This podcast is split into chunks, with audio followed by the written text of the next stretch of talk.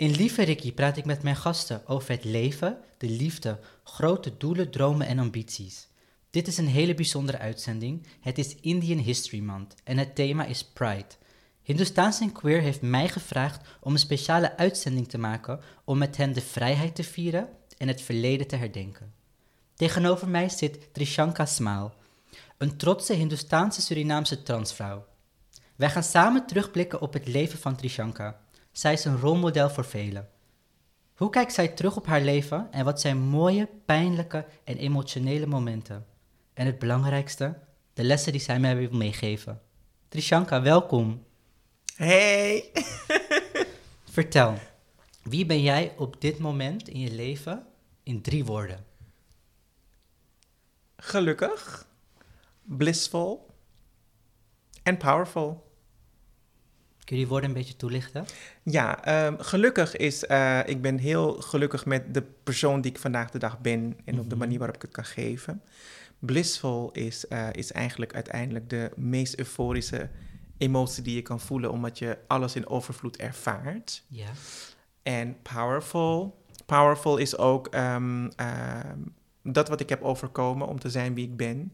En daarmee ook eh, anderen te empoweren en te upliften. Ja, je zegt overkomen. Kun je Ja. daar iets over vertellen? Ja, ehm, ik heb zeg maar, ik denk zoals de meeste, de leven kan, het leven kan ons vormen op een bepaalde manier. Ehm, ik ben zelf in het eh, bos geboren in Saramaka in Suriname. Mhm. Eh, toen nog, eh, nou nu inmiddels 41 jaar geleden. en eigenlijk had ik niet geboren moeten worden. Want mijn moeder was heel vroeg eh, uitgehuwelijkd dan mijn vader. Dat is Mhm. wat wij in onze Hindoestaanse cultuur toen nog kenden. En eh, ehm, op haar veertiende werd ze uitgehuwelijkd en ze werd elke dag mishandeld door mijn vader. Mhm. En, eh, en ook toen ik dus geboren moest worden, ook ja, tot op de laatste dag is ze iedere dag mishandeld. En, eh, en mijn moeder die vertelde ook echt dat ze moest wegrennen voor haar leven, zelfs op de dag dat ze moest bevallen van mij. Ehm, dus voor mezelf voel ik ook echt, I feel like a miracle. dat ik de wereld, het levenslicht heb mogen zien. Ja. En, eh, eh, en daarna heb je verschillende live events. Want uiteindelijk heeft ehm, mijn biologische vader ook mijn moeder geprobeerd te vermoorden, waar ik bij was op mijn derde. Eh, nou ja, en ik denk in de meeste Hindoestaanse gezinnen vroeger we kappen. Hè, dat is met een machete. En eh, hij heeft mijn moeder geprobeerd te kappen. En ik was erbij en ja, haar bloed over mij heen stromen en, ehm, en ik re- wegrennen. Dus, eh, eh, en uiteindelijk daarin ehm, moesten mijn zusje en ik, omdat mijn moeder, ze heeft het ge- gelukkig, gelukkig, gelukkig overleefd. Eh, eh, nou, eigenlijk bij leven na dood eigenlijk wel. En uiteindelijk ehm, moesten mijn zus en ik in internaten gaan overleven. Mijn moeder was te jong voor ons te zorgen. Mm. En in die tijd is natuurlijk ook heel erg veel schaamte en eer, hè?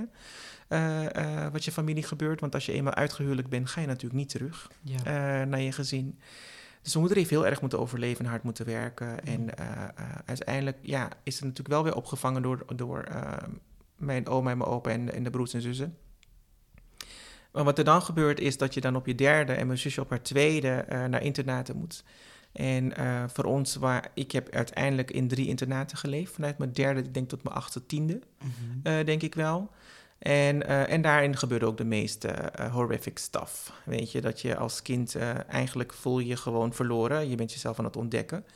En ehm, ja, in de internaten heb ik zelf eh, ehm, heel veel verwaarlozing meegemaakt, misbruik. Want de jongens en meiden moesten apart. Nou, ik was toen nog jongen, hè.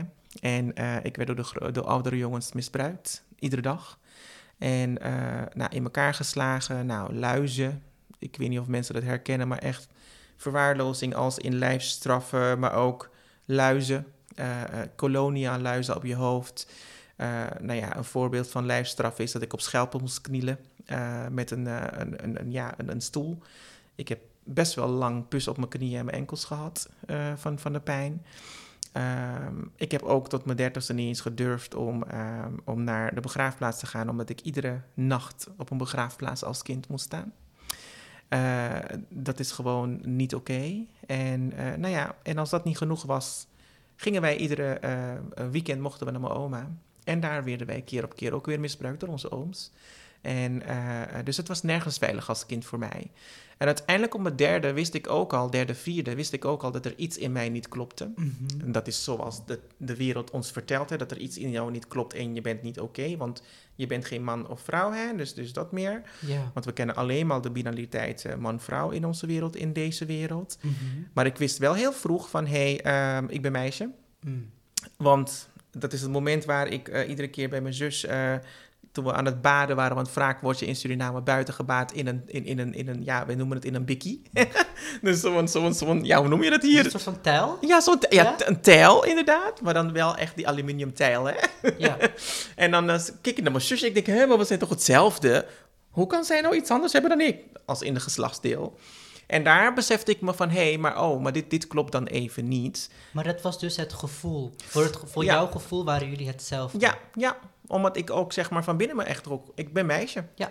Dus uh, totdat ik dus heel erg um, ontdekte, de buitenkant is niet hetzelfde. En in die tijd moesten wij natuurlijk heel erg, um, uh, de jongens gingen jagen, vissen, want we leefden echt gewoon van de natuur. Dus jongens moeten jagen, vissen, uh, echt de mannen dingen doen. En de vrouwen gingen zorgen voor, uh, uh, zeg maar, de groentes en dat soort dingen. Hè? Dus de kinderen echt, echt zorgen. En dus ik moest heel vaak mee met de mannen. Ook jagen, ook vissen. Um, dus dat heb ik ook geleerd. Dus als ik kijk nu in het leven, I'm effing multi-skilled. Want ik kan heel veel. Dus, en weet je, op een gegeven moment dan wordt het leven vormt je. Dus als ik zeg I have overcome, dan betekent echt dat ik de diepste, diepste, diepste trauma's heb moeten overwinnen om te zijn wie ik vandaag ben. En, uh, en weet je, op mijn vijftiende um, ben ik ook hier naar Nederland gekomen met mijn ouders, mijn bonusvader en mijn moeder en mijn zussen. En uh, dan denk je maar dat in Suriname wat er is gebeurd, dat het klaar is. Hmm. Maar je neemt het allemaal met je mee. Weet je, de trauma's die gaan niet weg. Je neemt, je draagt ze met je mee. En dan hier ook nog nieuwe trauma's meemaken. Want het gepest ging hierdoor, huiselijk geweld ging hierdoor. Uh, uh, dat je ook nog je plek hier uh, in Nederland moet vinden op school. Want je denkt dat je dezelfde taal praat als in Nederlands, maar het accent is het anders. Mhm. Hè, en de belevenis is anders. Ja. Dus, en ik werd hier ook meteen weer twee niveaus lager gezet. Want ik had VWO-niveau en ik werd naar MAVO gezet. En, maar dan ook nog eens hier weten dat je niet veilig bent omdat het fenomeen transgender zijn niet bekend is dat je op school gepest wordt, op straat gepest wordt, uh, uh, letterlijk gespuugd op je woord, uh, nageroepen, geslagen. En thuis ook niet, hè? want thuis als je de programma's keek vroeger, ik denk op mijn 18e, ja, 17e zo, dat mijn ouders zelf queer people aan het uitlachen waren, dan denk ik, Ja. oh, maar je eigen kind is zo. Dus ik heb er ook voor gezorgd dat ik op mijn achttiende uit huis ging. Want ik trok het gewoon echt niet meer. Want ik kon mezelf helemaal niet zijn. Dus op mijn achttiende ben ik uit huis gegaan. En, uh, want ik wilde heel graag studeren, weet je. En ik wilde mezelf zijn. Ik kon mezelf niet vinden. En uh, dus dat is ook de reden waarom ik dan op mijn achttiende weg ben gegaan. En uh, toen begon ik mezelf te ontdekken en dat was niet leuk. Nee? nee, want uh, op een gegeven moment, uh, alles wat je hebt geleerd in je leven, dat klopt niet. Ja. En dat betekent dat ik mezelf um, echt, dat was gewoon um, eigenlijk een soort van een root awakening, zoals ik het noem, is dat je dan op een gegeven moment wakker wordt uit een hele slechte droom en dan denk je van, oh, maar wacht eens even, alles wat je geleerd hebt, wat is dat dan? Want dat klopt niet. Maar wat was dat moment voor jou? Wat moest er gebeuren om wakker te worden? Ja, dat was op mijn twintigste. Uh, um, dat was eigenlijk het moment waar ik um, voor mezelf um, besloot om zelfdoding te doen. Uh, uh, omdat ik dus eigenlijk het leven niet meer aankon. En in dat moment was mijn oma ook overleden. En ik kon alles aan in de wereld zolang die vrouw nog leefde. Want zij was voor mij een anker van veiligheid en liefde. En ook al wat er in mijn leven gebeurde, deze vrouw was er altijd. Ik hoefde er alleen maar te zien en het was oké. Okay. Mm. Dus moet je je voorstellen als dat dan de wereld verlaat, de fysieke wereld verlaat. En, uh, uh, en voor mij was het leven was moeilijk op dat moment. Ik kon nergens, eh, ik kon niet bij de jongens, niet bij de meisjes. Um, uh, ik werd nergens geaccepteerd. Ik moest heel erg de veiligheid in mezelf vinden. Dus voor mij was alles donker. Mm -hmm. um, tot ik zei van, hé, hey, maar als deze wereld alleen maar bestaat uit pijn... Um, dan hoef ik hier niet te zijn, want dan ben ik niet welkom. Mm. -hmm. Als je iedere keer maar afgewezen wordt. En ik werd natuurlijk ook, ik was twintig. Ja, ik, ik raakte ook verliefd op jongens. Maar ja ik zag eruit natuurlijk als een jongen en ik viel op straight guys. Ja. Weet je, dus ja, uh, dat kan gewoon weg niet. Dus op alle vlakken werd ik gewoon afgewezen. En eh, toen dacht ik van, het is mooi geweest. Ik zeg, dat, dit hoef ik niet, weet je. Want als ik vanaf mijn geboorte tot mijn twintigste geen enkele lichtmoment kan ervaren in mijn leven en geen liefde kan ervaren, wat ik later geleerd heb dat er wel liefde was, maar dat ik het zelf niet kon zien. Ja. Want er waren heel veel mensen die van me hielden, maar ik, kon het, ik was zo donker in mezelf dat ik dat niet eens kon ontvangen. En, ehm, en dat moment op mijn twintigste was dat ik dan zelfdoding wilde doen. En ehm, uiteindelijk ehm, wilde ik springen naar beneden. Zoals de meeste verhalen. En, ehm, en ik weet nog dat ik alleen thuis, ik heb ervoor gezorgd dat ik alleen thuis was. Ik was natuurlijk in een studentenhuis. En, ehm, en uiteindelijk ehm, wilde ik de deur open doen naar het balkon, maar het lukte mij niet. Dat was gewoon, het, het voor mij, ik noem het nog steeds een divine intervention. Want eh, ik, ja, je ziet me, ik, ik ben best groot en ik ben sterk. Dus ik kan gewoon die deur forceren. Maar ik kreeg hem gewoon weg niet open. En uiteindelijk, eh, als er voor iemand gewoon eh, iets in mijn plant van... hé, hey, je moet televisie kijken en het is de enige urge die je hebt... je moet tv gaan kijken. Nou, ik ga gewoon rustig op de bank, want ik had geen keus. Er is niks anders wat ik wilde. Uiteindelijk ga ik die deur... ik doe gewoon de televisie aan en ik zie dan Oprah. En, en ik herken meteen echt first image... zo'n Hindoestaanse jongen, Oprah praat tegen hem... het is een haar en dat er... Een dat, dat er iets voor ons bestaat, dat is transgender. Mhm. En dat we niet alleen zijn, dat we niet ziek zijn. Want ik was toen ook heel gelovig, hè, me- ik was in de kerk, eh Rooms-Katholieke kerk. En dat, dat er tegen mij gezei- gezegd wordt van... hey, God is boos op jou, en want, want je bent ziek, je moet bidden om Mhm. gezond te worden. Nou, pff, imagine how much I've prayed. En ik werd niet beter volgens de mensen hier, en terwijl ik helemaal niet ziek ben. En, ehm, maar dat moment daar op televisie dat ik zag van... hey, voor het eerst in mijn leven zag van... hey, er is een woord ervoor, transgender. En dat je op een gegeven moment ook echt denkt van... hé, hey, maar wacht eens even, ik ben niet alleen, ik ben niet ziek. But I have a choice. Mhm. Nou, en dat was voor mij dus het lichtmoment. Dat ik denk, oké, maar dit is my turning point. Dus als ik het heb over overcoming... Well, het is overcoming the deepest, darkest moments in your life. En de groeven in je zielen, waar je denkt dat je nergens hoop kan vinden, dat er nergens licht is, but you find the light in you. En dat was voor mij mijn grootste sleutelmoment ever op mijn twintigste. En hoe is je leven veranderd na dat moment? Boy. maar ik dacht dat ik op dat moment ook aan het le- ging leven. Want dat is zeg maar, wanneer je de sprankeltje hoop in jezelf vindt en je vindt het licht in jou, dan, dan denk je, yes, dit is het. Mhm. Wat ik nu leer is dat ik in die ehm, tien jaar daarna nog steeds aan het overleven was, maar wel volgens de stukken die ik belangrijk vond. Kijk. Hè? Ja. Ik vond het belangrijk, want ik heb in dat moment van mijn twintig heb ik ook drie beslissingen genomen, of vier misschien wel. Het eerste was dat ik iedere dag moest opstaan met een lach. En heel veel mensen vinden het irritant aan mij, maar ik lach ongelooflijk veel. Nou, dat is de reden waarom. Iedere dag beginnen met een lach doet al echt iets met je fysiologie. Absolutely. In de spiegel en je lacht naar jezelf. Hey, I got to live another day. I got to see the light of the day. Bam, dat is het. Dat was nummer één. En nummer twee was dat ik ehm, het besluit wat ik nam toen is ook van joh, ehm, dat er altijd een oplossing is voor ieder probleem. Always. Hoe lang of hoe kort het duurt, there is always a solution. Mhm. Ehm, de derde ding was ook van, hé, hey, wat heb ik te leren van het verleden om in het heden niet zeg maar te herhalen? Want ik deed eigenlijk steeds hetzelfde, maar dan verwachtte ik een andere uitkomst. Dus ik moest in mijn gedrag ook iets anders doen. I had to like own my shit. Maar waarom, heel interessant, waarom verwachtte je een andere uitkomst terwijl je wel hetzelfde deed? Ja, omdat ik eh, niet heb geleerd dat je dus eh, uiteindelijk verantwoordelijkheid moet nemen moet voor je eigen gedrag. Hm. En dat je het maar iedere keer buiten moet zoeken. En daarom ga je nog harder rennen, nog harder werken. Om mensen te laten zien dat je het waard bent. En uiteindelijk ging ik dus hetzelfde doen, maar tien keer meer. Nothing changed.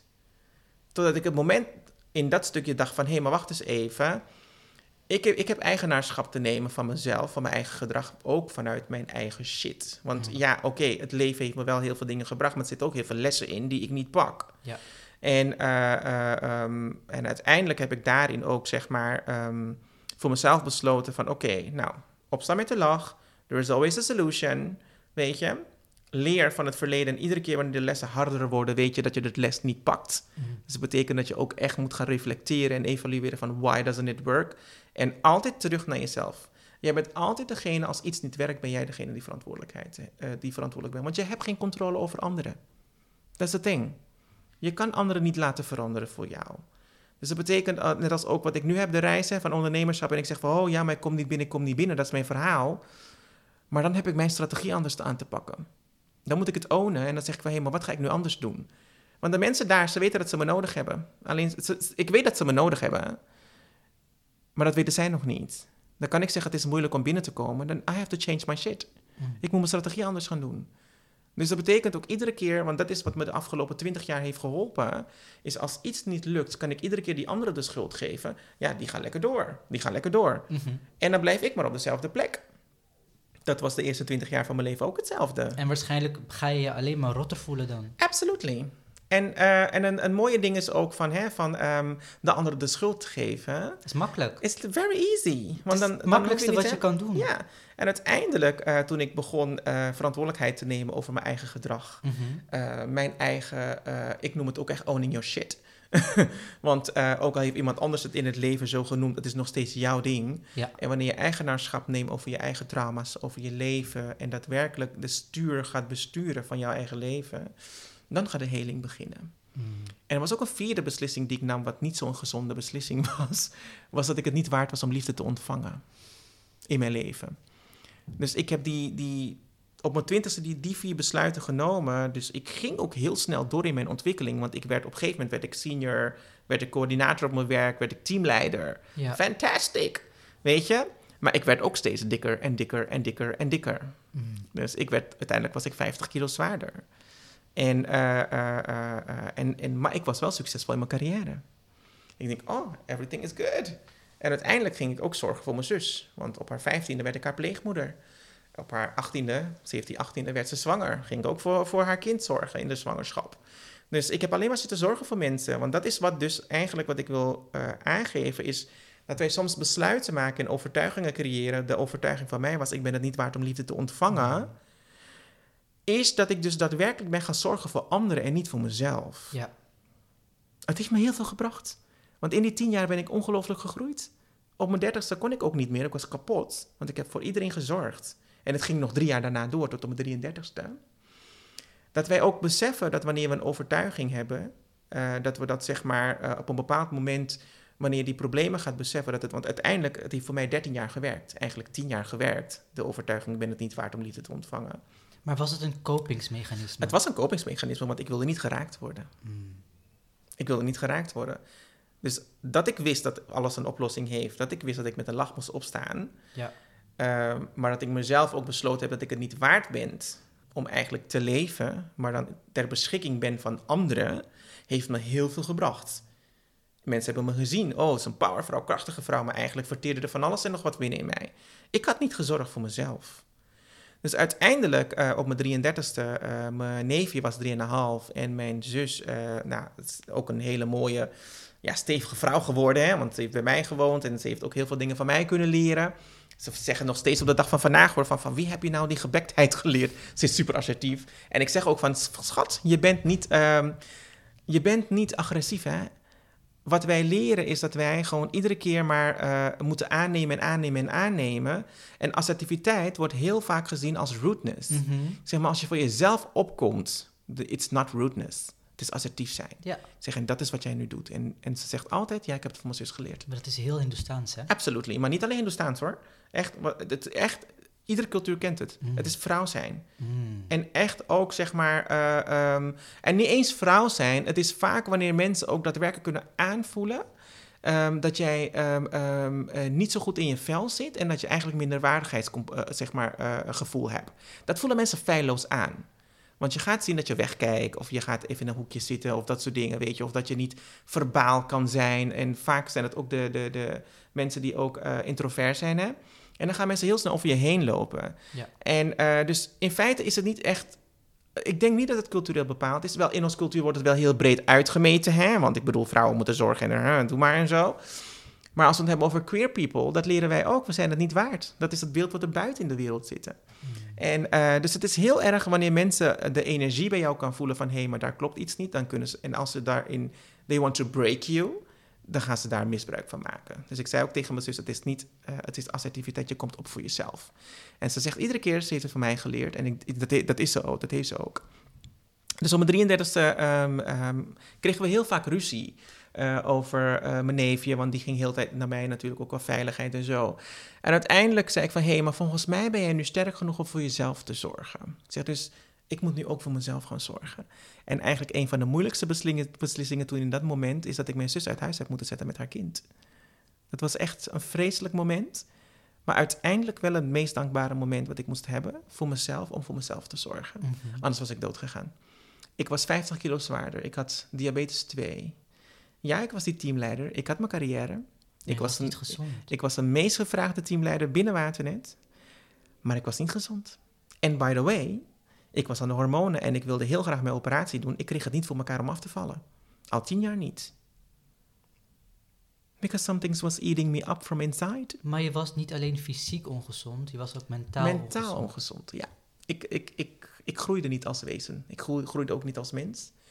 Eh, ik was heel veel andere mensen aan het helpen, maar mezelf niet. En daarmee, toen ik ehm, uiteindelijk ben ik wel mezelf gaan ontwikkelen. Mhm. Ik ben NLP gaan doen en daar vielen alle kwartjes. NLP? Ja, dat is neurolinguistisch programmeren. Oké.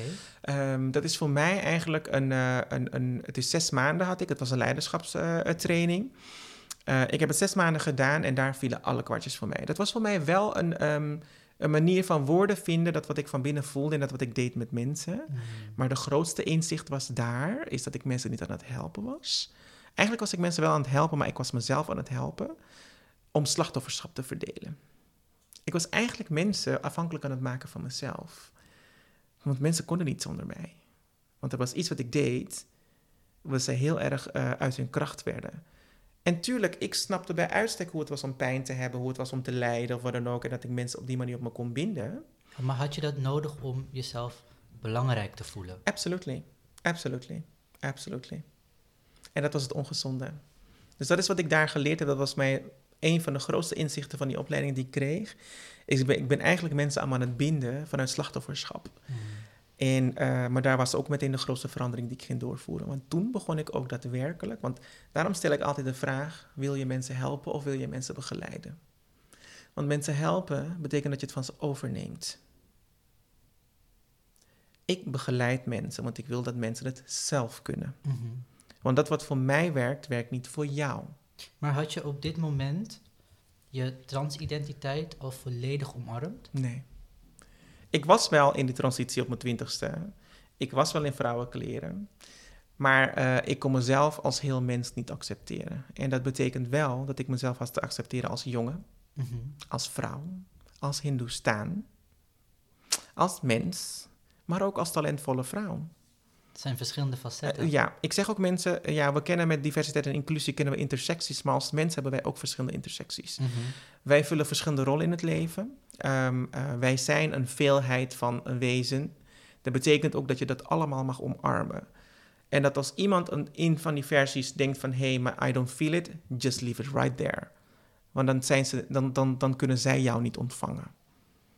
Dus uiteindelijk heb ik mezelf moeten accepteren als heel wezen. En ik heb mezelf ook echt moeten ontvangen. Waarin ik ook daadwerkelijk ben gaan helen. En eh, ik heb daarnaast, in, er was één blok in NLP was systemisch werk. En ik denk, oh my god, but this is what my soul needs. Dus uiteindelijk ben ik systemisch werk gaan doen, dat is met familieopstellingen. En eigenlijk is dat voor mij een van de grote cadeaus in mijn leven geweest, ehm, waardoor ik ook daadwerkelijk mijn trauma's heb kunnen helen. Want wat heb je ontdekt? Wat ik daar heb ontdekt is ehm, ehm, dat ik niet jarenlang therapie nodig heb. Wat ik overigens nooit heb gedaan. En, eh, eh, maar dat ik ook zeg maar het in mezelf kan vinden. En dat er eh, verschillende manieren van, verschillende levels van emoties zijn die we ervaren. En dat het soms ook niet eens van ons is. Ik heb heel veel van mijn familie mogen dragen. Van mijn oma, mijn voorouders, mijn moeder. Ik heb heel veel verdriet van mijn moeder en liefde van mijn moeder moeten dragen. Mhm. Waardoor zij ook niet groeide. Ik heb pijn van mijn oma moeten dragen. En eh, eh, dus dat is wat wij kinderen op dit moment in deze generaties niet doorhebben. Is de pijn die wij soms kunnen voelen, dat het niet van ons is. Dus ik heb een paar dingen die ik dus ook in mijn masterclasses uitleg. Is dat ehm, we hebben eh, basiswetten in de natuur dat gerespecteerd moeten worden. Zoals? Zoals eh, er is een orde. Hè, dus mensen die als eerstgeboren zijn, die zijn ook echt degene die, die in die, hun eerste de plekken zijn. Zij zijn de oudste. Hè, Mhm. bijvoorbeeld het aannemen van je moeder en je vader. Ja, of jij nou het eens bent of niet, zij zijn toegang tot de bron. Dus als jij wegloopt van je familie of je accepteert je moeder of je vader niet, dan weet je al daarin dat je jezelf 100% aan het afwijzen bent. En dan kan je dan de goedkeuring in de wereld gaan vinden, maar je bent continu elke dag jezelf aan het afwijzen. Een andere ding is, uh, zeg maar, uh, um, ook als het gaat om systemische wetten, en ieder heeft een plek. Dus we kunnen mensen niet uitsluiten. Ook al denk je als mens dat je mensen uitsluit. Ook al denken spirituele leiders dat ze mensen uitsluiten. Nee. Mm Deze velden zijn niet eens door de mens zelfs te doorbreken. Het is een spirituele wet. Het is ook, en dat, daar heb ik het over dan, zeg maar, uh, ja, de wetten. Um, um, dus waarin je dus eigenlijk verschillende soorten elementen kan ervaren. En dat is wat ik vaak nu ook denk, want ik ben... Ik denk in maart ben ik geweigerd door een, uh, een mandir, een tempel, om uh, daar Pagwa te vieren. Want dat was voor een, voor een, uh, voor een programma. En op een gegeven moment zei die vrouw, wat vreselijk, Trishanka, dat dit gebeurt met jou. Ik zeg, nee. Zij weet je wat het, wat het vreselijkste is? Is dat spirituele leiders op culturele aspecten iets persoonlijks maken, terwijl op spiritueel level je mensen niet kan uitsluiten, want dat bestaat niet. Mm. Dus hoe spiritueel zijn deze mensen? Imposters. Really imposters. Dus dat zijn de inzichten die ik krijg nu, is dat ik nu mensen in de masterclass moet uitleggen van hé, hey, er zijn wetten. Ja. Er zijn gewetens, mm-hmm. hè, spirituele uh, gewetens daar een van. Je hebt ook de persoonlijke en de collectieve. Ja. Dus als je die verschillen daarin weet en hoe jij daarin acteert, is echt goud. Want dan weet je ook hoe je anders in het leven kan kiezen elke dag. En uh, de extra filter daarbij is wanneer je dus de emotionele lagen erin zet. Hè, dat je dus de, de primaire, de secundaire en de tertiaire lagen. Uh, en de metagevoelens. Um, voor mij de grootste inzicht was de tertiaire uh, gevoelslaag. Dat is dus eigenlijk um, dat wij heel veel in ons dragen van onze ancestors. En mooi dat we het hier hebben ook over um, Hindoestaans zijn hè, en ook over onze ancestors. Yeah. Die hebben ook heel veel meegemaakt. En de strijd die we van binnen voelen, de pijn die we van binnen voelen, ondanks wij heel veel therapieën en coaching hebben gehad, mm-hmm. dat de pijn nog steeds is, dan is het niet van jou. Dus dan mag je het ook teruggeven, omdat je niet, hier niet in vrijheid kan leven. Kijk, je mag het teruggeven. Absolutely, it's not yours. Wel met respect en wel you have to remember, want deze mensen hebben strijd geleverd, zodat wij in vrijheid kunnen leven. Dat betekent ook dat we daarin dankbaar hebben te zijn, met liefde en respect voor hun proces te kijken. Maar dat we ook zeggen van joh, maar ik ga nu mijn eigen weg. Want ik leef in vrijheid dankzij jullie en ik bepaal mijn eigen pad. Daarin ga je vrijheid in jezelf voelen. Hmm. En daarmee kun je dus ook op een andere manier dingen delen in de wereld. Kippenvel. Oh. Kippenvel. I can talk hours about this. nee, maar het is wat jij nu zegt. Ja. Kijk, ik sta als queer persoon, als een Hindoestaan, sta ik op jouw schouders. Mm. Ik sta op de schouders van mijn ouders. Ik sta op de schouders van mijn opa en oma. Ja. Ik sta op de schouders van mijn neef. Ik kan zijn wie ik ben doordat jullie er zijn. Mm-hmm. Dat moeten we accepteren.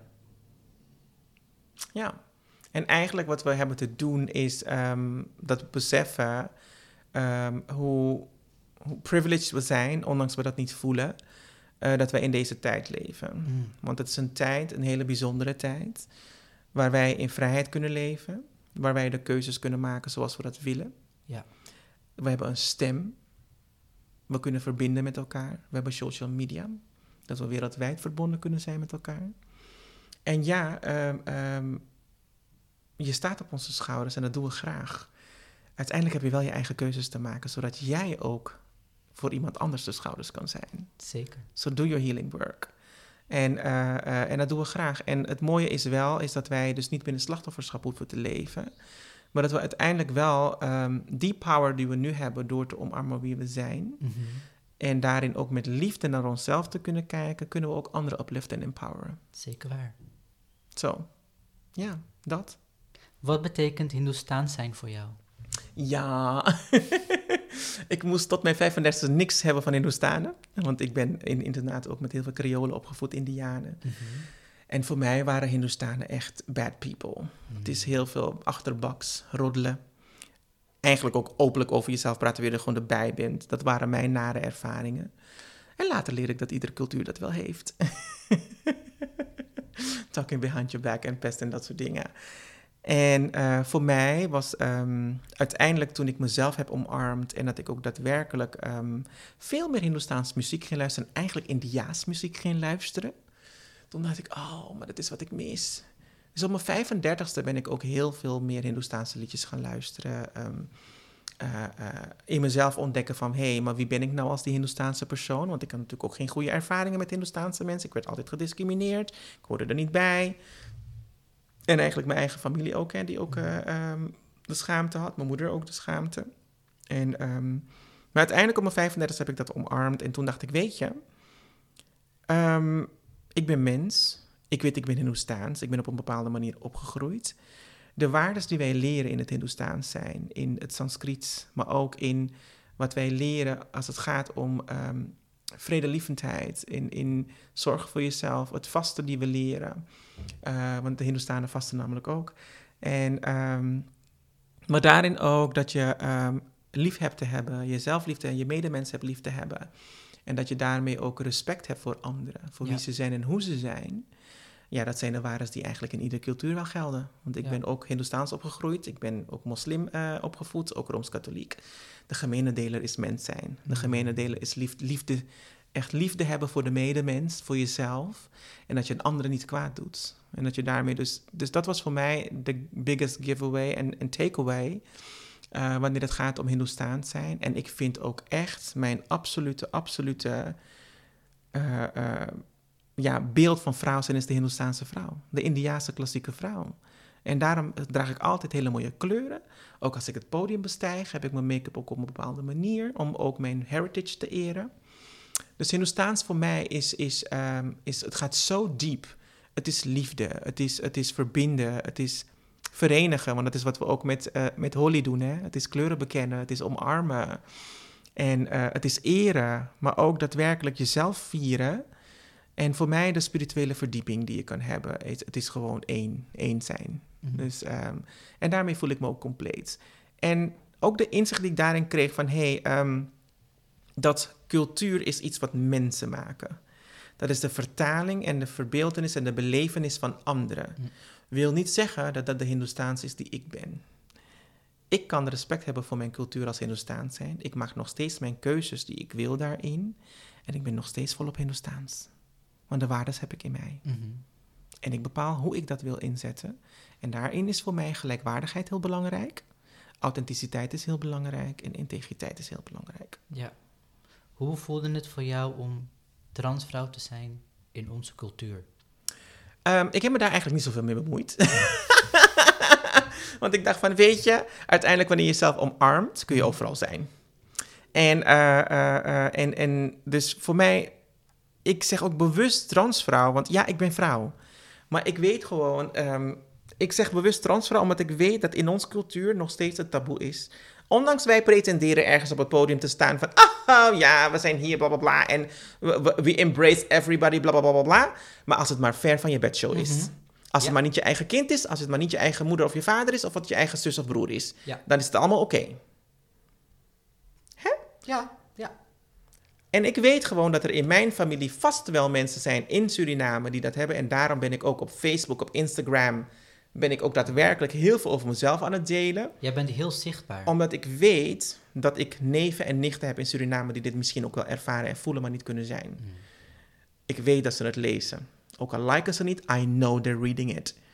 En ik weet gewoon iedere keer dat wanneer ik iets plaats, heel kwetsbaar over mezelf, over het trans zijn, maar ook over de kleine jongen in mij, zeg ik ook. Dan weet ik dat mensen lezen en ze uit veiligheid reageren ze niet. But I know it is worthy. Want ik was een, een tijdje gestopt en toen vroegen mensen mij, maar waarom post jij niet meer? Maar weet je hoeveel mensen dit lezen? Ik zeg, ja, maar weet je, ik moet ook gefueled worden. Ik zeg, ik kan iedere keer maar delen, maar ik krijg ook niks. En het is niet dat je geeft om iets te krijgen. Helaas hebben we in deze wereld ook dat wij gewoon moeten leven. En dat we ook dingen moeten verdienen uiteindelijk om te kunnen brood te hebben verdienen. Dus uiteindelijk heb ik zeg maar voor mezelf een stem gevonden om dat te delen. Dus het podium te bestijgen en ook daadwerkelijk te vertellen van... hé, hey, ik ben transvrouw en weet wel dat de versie van vrouw zijn, mens zijn niet alleen maar binair is. En dat we ook mensen hebben te omarmen in de veelheid van mensheid die we kunnen zijn. Ja. En dat we daarin elkaar hebben te helpen en te helen. Of je nou Hindoestaans bent, of je nou Afrikaans bent, of wat dan ook. It doesn't matter. We're human. Ja. Maar ik ben heel blij dat ik Hindoestaans ben, want ik hou van al, al die mooie kleren en, en sieraden en jurken. en het eten vooral. oh mijn god, ik ja. kan serieus, letterlijk als ik de rest van mijn leven één gerecht moet eten, dan is dat rijst met bakkeljauw, choka en daal. Ja. De rest van mijn leven, elke dag. Ja, heerlijk. Ja, I love it. En ik weet, voor mij is het eh, zeg maar, ehm, is het eh, ehm, rijst met, uh, met tomaten sardine, met heel veel peper en aardappel en, eh, en, en, en bitawiri. Lekker. Dat is wat mijn oma altijd maakte. En oerdikdaal. Wat heeft de liefde jou geleerd? Ehm, de liefde heeft mij geleerd is, eh, is accepteren, is keuzes maken, is kwetsbaar zijn en hulp vragen.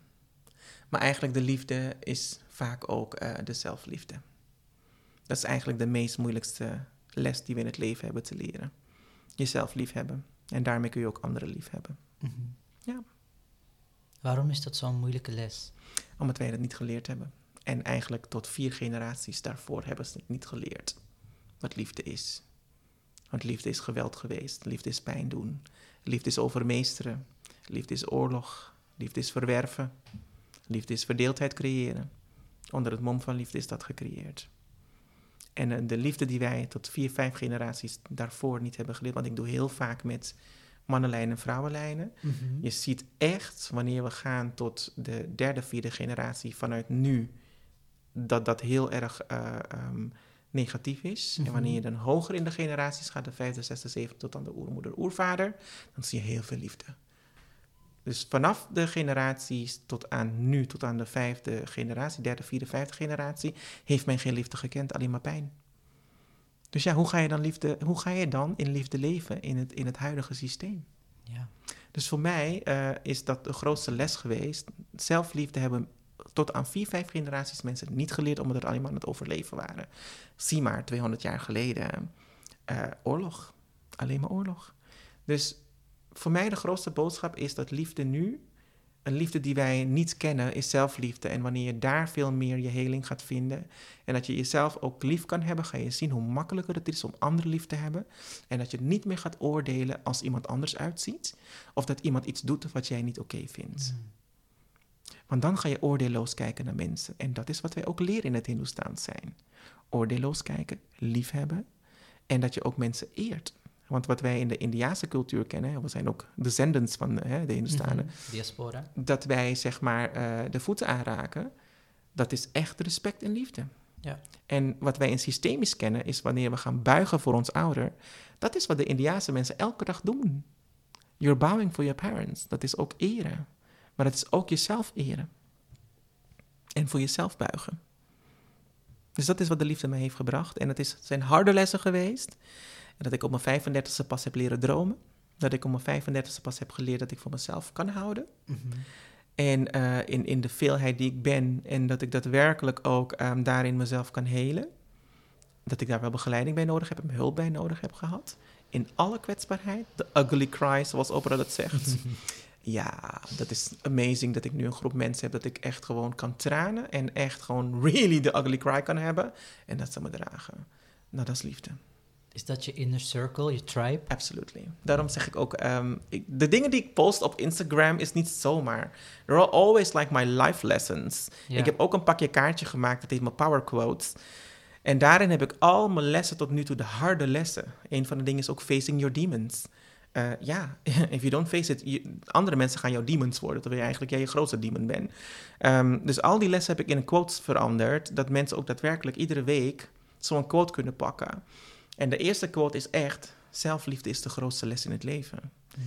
En, eh, eh, en daarmee ook dat je, wanneer je dat ervaart, ga je zien dat je ook mensen aantrekt op die manier. En daarmee ga je ook een tribe creëren. En ik dacht eerst dat de tribe maar vijf mensen konden zijn. Nou, inmiddels heb ik bijna 20, 30 mensen die in mijn tribe zitten. Die ongelooflijk van elkaar houden, maar ook opliften. Super positief zijn.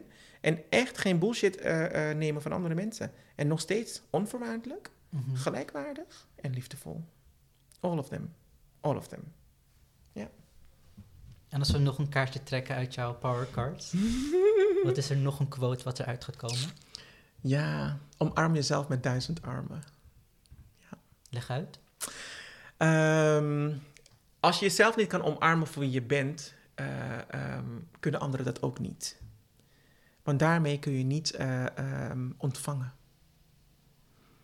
Wij kunnen heel goed geven. Dat hebben wij geleerd in onze cultuur. Mhm. Geven, geven, geven, geven. Ook al is het je laatste euro, geef het. Ook al is het je laatste brood, geef het. We hebben niet gezorgd ervoor om te ontvangen. En daar is wat ik bedoel met omarm jezelf met duizend armen in verschillende aspecten. Het is om te leren ontvangen. Mhm. En we hebben echt te leren ontvangen, want dan is het in balans. Ja. Dus als alles wat uit balans is, ook met geven en nemen. Als je alleen maar geeft en je niet eens een bloemetje of een glas water van iemand kan accepteren of kan, om, kan, kan ontvangen, dan ont- ontneem je iemand het recht om jou iets te geven. En belangrijker nog, dan eh, eh, ehm, ben je ook echt, zeg maar, ehm, ondankbaar. Mhm. Mhm. En daarmee, en dat wil niet zeggen dat je iedereen alles moet aannemen, want als je hebt gegeten en iemand komt met nog een pot met rijst, dan ga je ook nee zeggen. Want dan, you know. But like the stuff is dat, dat het een soort van een natuurlijke balans moet zijn in geven en nemen. Dat is echt één ding wat ik geleerd heb en dat is wat ik bedoel met omarm jezelf met duizend armen. En het is eigenlijk, als je dat zo zegt, die quote, het is voor iemand, voor iedereen iets anders. En dat is zo mooi. Ja, Daarom is het zo gemaakt, want voor jou zal het iets anders zijn. als ik het hoor omarm jezelf met duizend armen, dan ik ga terug naar die kleine Ricky. Die op dat moment gewoon wel echt dit zou moeten horen. En die armen nodig heeft. En die armen nodig heeft. Daarvoor is het ook bedoeld, want daarom zijn deze quotes er. Jij hebt je trauma's kunnen omzetten tot iets moois. Mhm. Namelijk, je zegt het zelf, je begeleidt mensen. Hoe heb je dat gedaan? Ehm, hoe ik dat heb gedaan is, ehm, het is. Ten eerste is het wel ja zeggen tegen jezelf. Mhm. En ik ben mezelf gaan ontwikkelen. Hè? Want ik, wat ik net zei, ik heb NLP gedaan, systemisch werk gedaan. Inmiddels doe ik ook een, shamanische, een shamanistische opleiding. Ehm, en eigenlijk al deze drie componenten. wil je echt, weet je, gezond zijn en, en, en, en welvarend zijn. En hè, wat ik vanochtend ook heb gepost is: emotional health is wealth. Mhm.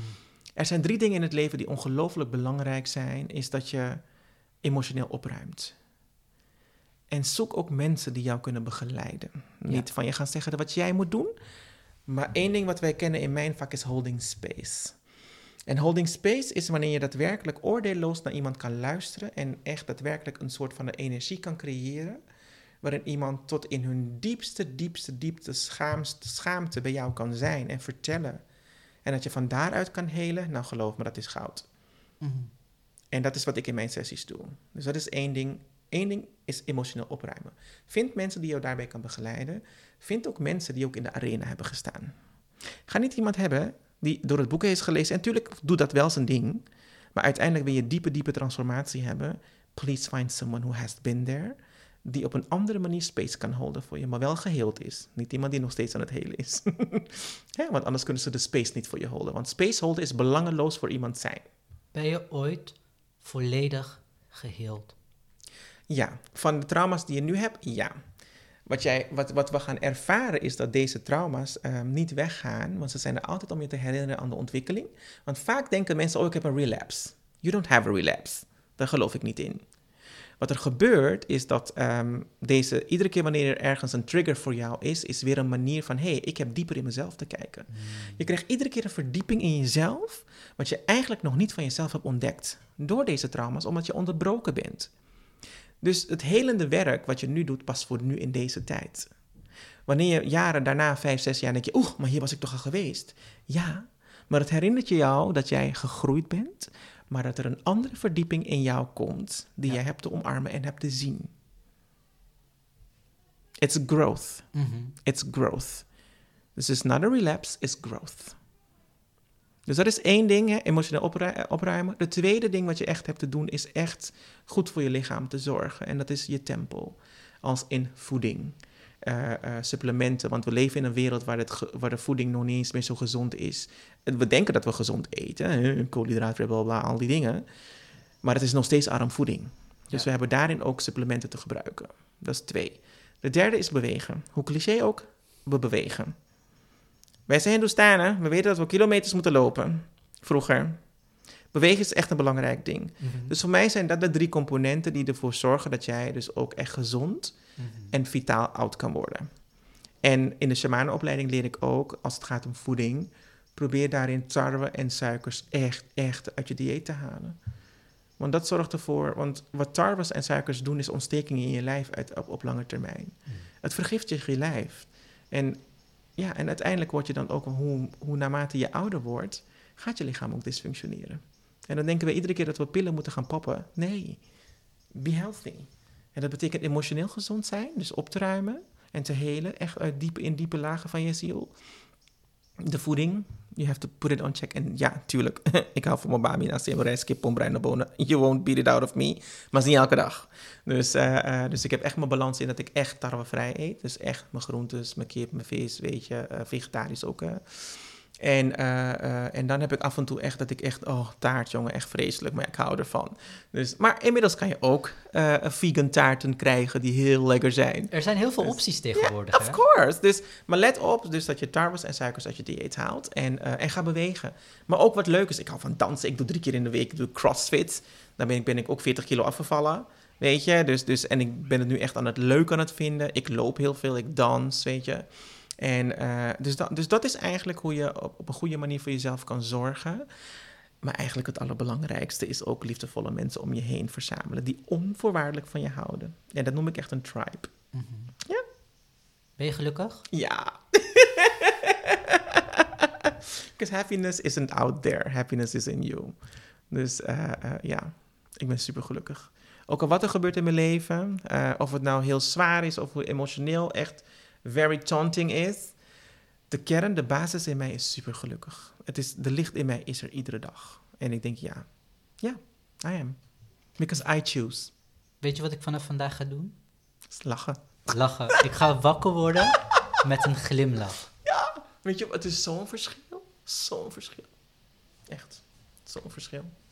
Lieve Ricky, sluiten we af met een vraag. Ehm, je maakt een mentale foto van een moment uit je leven. Ehm, wat is een indrukwekkende, belangrijk moment waar jij dus nu een foto van wil maken? Ja, dan is het toch eh, het moment eh, dat ik twee jaar geleden geopereerd werd. En eh, dat ik ontwaakte uit de narcose. En dat ik besefte van, oh, maar dit is wat het is om vrouw te zijn. Dat er een, een dimensie in mij aanging van liefde en, en van vrouw zijn. Dat ik denk, oh, maar dat dit bestaat. Dus dat moment van liefde ervaren in diepere lagen, in grote lagen. Ja, daar maak ik een foto van. Toen dacht ik, ja, maar dit moet iedereen. Deze liefde moet iedereen kunnen voelen. Ja, dat. Was dat ook het moment dat zelfliefde compleet was? Nou, ehm, dat is het moment waar ik geen schaamte meer kende. Mm.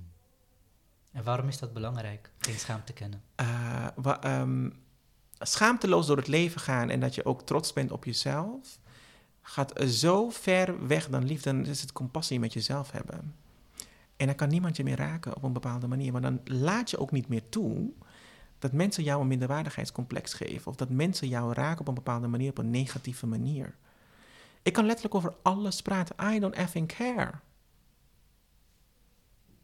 Want dat maakt dat jij dus niet uit balans gaat. Ja. Schaamte, want wij kennen dat allemaal, dat maakt dat mensen echt depressief raken. Dat maakt dat mensen eh, niet meer de deur uitkomen. En als jij dus schaamteloos door het leven kan gaan, door het ook echt te omarmen en ook trots door het leven heen te gaan, you're unbreakable. Echt. En daar was voor mij het moment dat ik schaamteloos werd. En dat ik denk, oh, now I own my shit. Niemand kan me breken. Ook al sla je me in elkaar of dan ook, you don't own my soul. Really, you don't own my soul. I own my soul. Lieve Trishanka, dankjewel. Dankjewel voor je openheid, voor je eerlijkheid en voor de wijze lessen. You're welcome.